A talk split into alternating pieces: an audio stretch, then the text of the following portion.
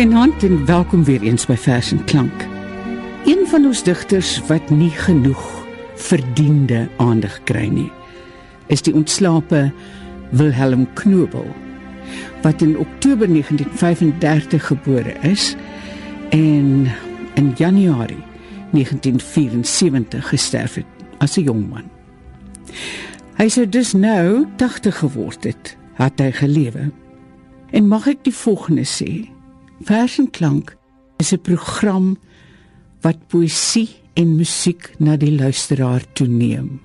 Dit is nie 'n dokumentêre program nie en dit is nie 'n voorbeeld nie. Dit is wat dit sê, vers en klank. Vanaand gaan ek die jager vir ons verse van hierdie hartseer digter Willem Knobel lees. Hoekom hartseer? Omdat hy aan erge depressie gely het. In die 60er jare is dit maniese depressie genoem.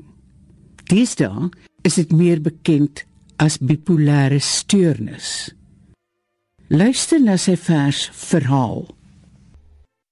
Hy het pyn gehad en uitgegaan op straat om hulp te soek. Toe hy sy buurman vind, het 'n krag hom gedwing wat sterker as hy was om te praat van sy pyn. In sy buurman se oë het vrees gekom, maar is gou verplaas deur die toorn van 'n regverdige man. En hy het 'n steen gegryp en geskree dat dit klink deur die stad. Stenig hom. Willem Knobel se vers verhaal In 1959, hy was toe 24, skryf hy die volgende aangrypende vers vir Kersfees vir sy moeder. Hy noem dit donker en skerp lig. O nag van Rilke en Superwee, en Nerval, Novalis en Agterberg, en Dante en Orpheus verder terug. Jy wat die aansien van persoon nie ken nie Jy wat die stilte is in elke woord. Omsluit ook my met jou liefdelike hande in gedienstige woorde van elke dag. Om geboorte te gee aan lig in reëls en Eurydice en Beatrice en die vrou vir my uit die ryk van die dood en ongebore skadu's terug te roep. Dan sal die u van elke brief nie geskryf nie maar bedoel nie meer genoem word nie moeder en dan sal u die bontjas dra van elke jy en jou en joune later het hy die vers bloedsteen gedig bloedsteen 'n later voortsetting op donker en skerp lig valdeur as die woorde begin droom gaan 'n valdeur oop in my sien ek slanke diere swygsam teen die druppende wande uitbeur van 'n put. Swart letters op die wit blad, penelglansende lywe gou vas. 'n Laaste rilling halstarrige lewe. Dan lê hulle stil. Twee twee. Breiten Breitenbach is soos 'n leitmotief in die Afrikaanse digkunstskat. Baie digters het briewe aan hom geskryf, gedigte aan hom opgedra. Knobel het ook briewe aan hom geskryf. Hulle het mekaar goed geken en Breitenbach het Knobel in Frankryk sterk ondersteun toe hy 'n swaar aanval van depressie gekry het. In die volgende vers voel Knobel dat Breitenbach nie angsaanvalle ten volle verstaan nie. Hy noem dit brief vir Breiten. Dan kom die gekheid soos 'n gewapende man dat jy waansin so kan sien dui op oopheid van 'n gesonde gemoed. Jy sou wel seker die kake van die leeu oop kan sper met jou onverskrokke hande en later in die karkas kom heuning soek. Maar die angs bevrug tog ook jou vers. Sal jy steeds kan uitvaar in 'n jag oor see van angs waar krappe die sagte borsvleis van visse skeur Al is die roete wat jy ken meer duidelik gekaart van Noorwe na Napels. My geografie begin die mik van jou liggeel vrou met die geur van fluisterende borste in jou keel. Hoe lank voor die voete soos versteende hase koud kan word, voor die spelde in die sole prik, kom die waansin soms ongewapen, slu en die mure rinnik nie. Die stoele grom nie. Die honde dra geen brille nie. Geen klanke word vlermuise nie. Kors na kors groei die stilte. Bind die hande wat teen geen tralies sper nie. Doof die stem wat wil roep na gestorwe gode. Klop deur die slape nog lank voor toestoom van die kopbeenvensters. Hoe sal ons dan nog leer om te sterf? Die gekheid kom nie soos 'n gewapende man nie. In sy tweede brief vir Breitenberg kom die angs van 'n digter wat voel dat sy muse hom verlaat het en hy nie meer kan dig nie, sterk na vore. Hierdie ene noem hy tweede brief vir Breiten. Hoe meer ek sukkel om die stilte oop te wurg, hoe vaster gly dit af in my keel. Leen vir my 'n paar van jou reëls. Dit lyk my ek kom so ongevraag. Dan beur ek met al skugtige hoeke die deksel op wat altyd digter oor my sluit. Die krappe skeur die wit borsvleis van die visse. Maar ek is nie 'n vis nie. Ek is te jonk om nou al in die pot te braai. My oë staar nog nie stip genoeg nie uit die wit sirkels van die angs. Leen vir my 'n paar van jou reëls. Dan lig ek my op stelte oor die rand en steel 'n brul van die eerste hond. My oë sal stuk sienig knip in die lig. En pyl reël reg af soos 'n hond op 'n paal op die eerste gedagte van my geliefde se lyf. En tref ek dit gelukkig? dan sper haar glimlag nie van oor tot oor om my haastig te verslind en my wit bene uit te spoeg soos 'n gebraaide duif nie. Dag. En dan is dit geteken 8 Februarie 1964.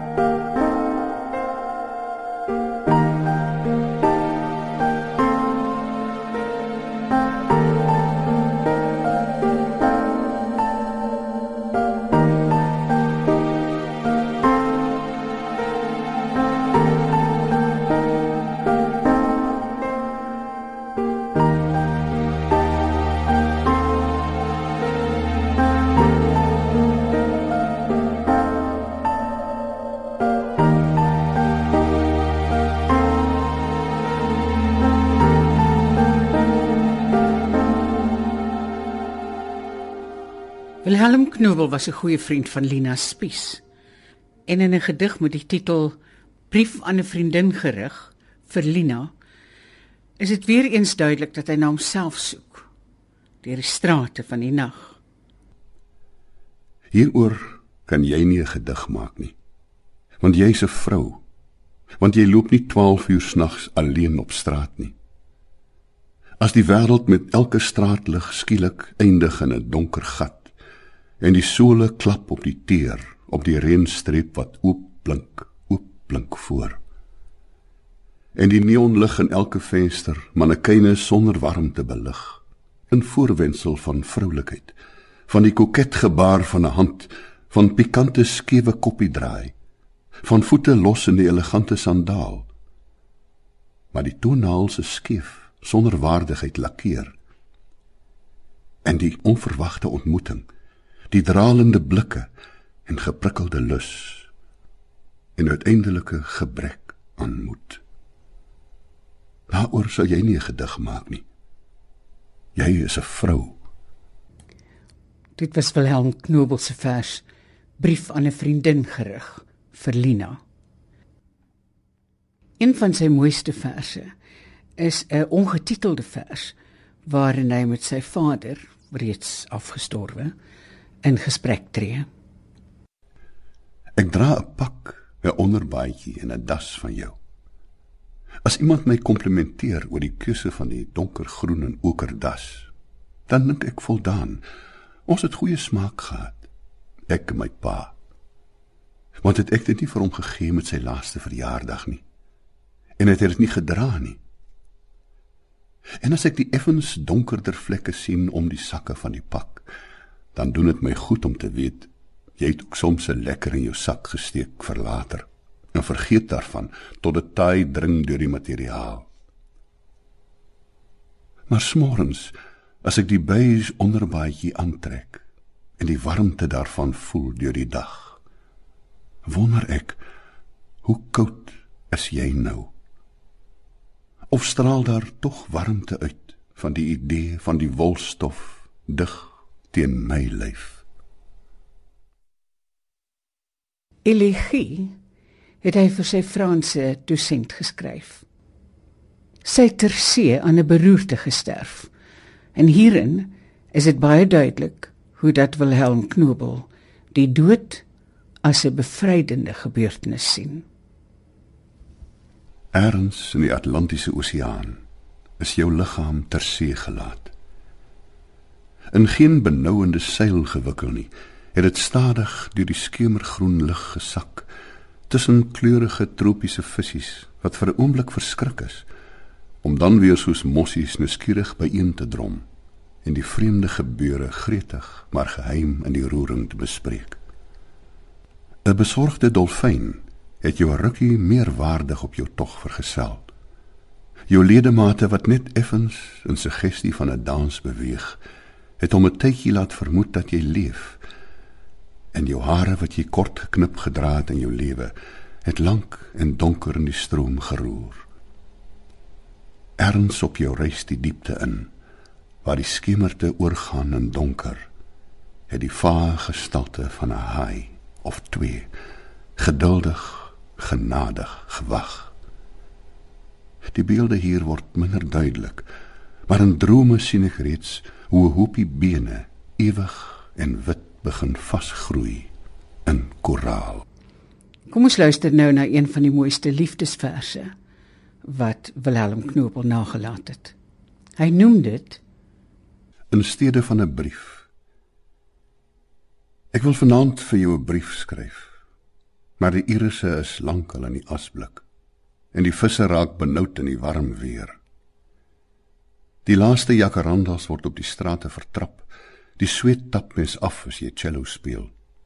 Brahms sou nooit vir hierdie klimaat kon skryf nie. Ek sien jou loop langs die Valsrivier. Is dit daar ook so warm? Selfs die paddas is stil vanaand onder warm groen van die wilgers en sweet wat stroom langs jou bene. Hoe kan jy nog geprikkel raak deur graffiti op die muur van jy weet waar? Of die lyn van bruin gebrande bene in die skroeiende middag by die swembad. Slaap vanaand onder 'n laken. Laat die aandlig deur die oop venster koel die sweet verdamp. Dalk voel jy in die oggend fris genoeg om te skryf.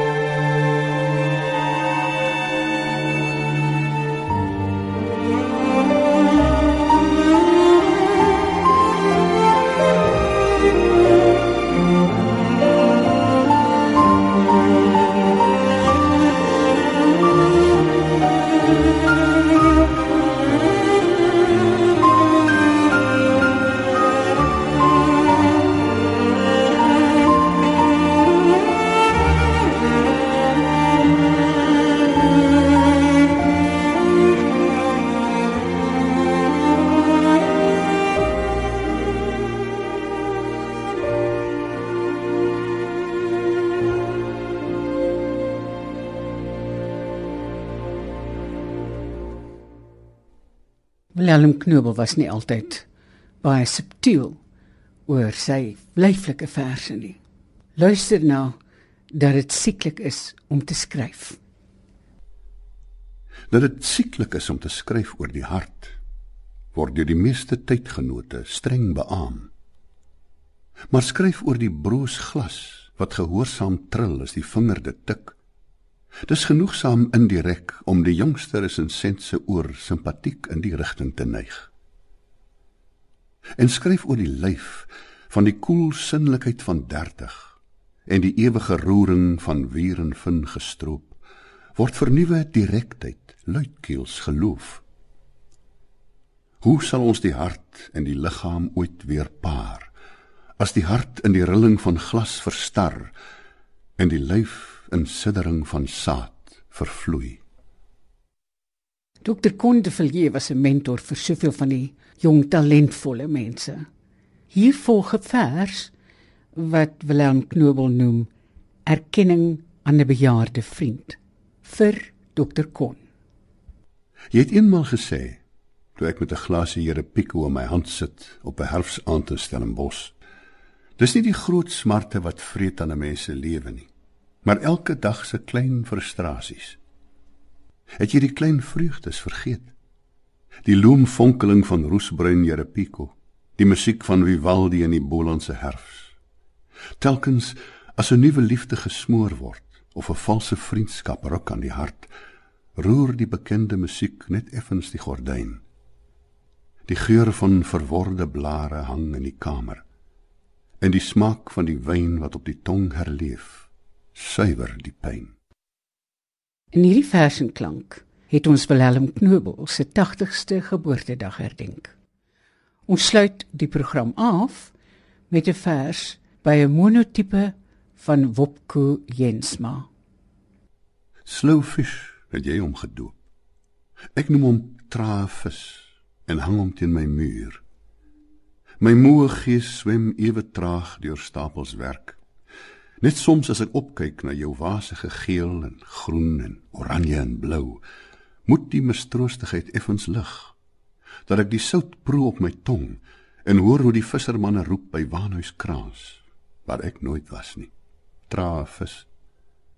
Kom laat ons vlug uit die muwe kantoor om weer die geroep van die meeuwe te hoor en te kyk hoe die branders breek op die sand in een gedig.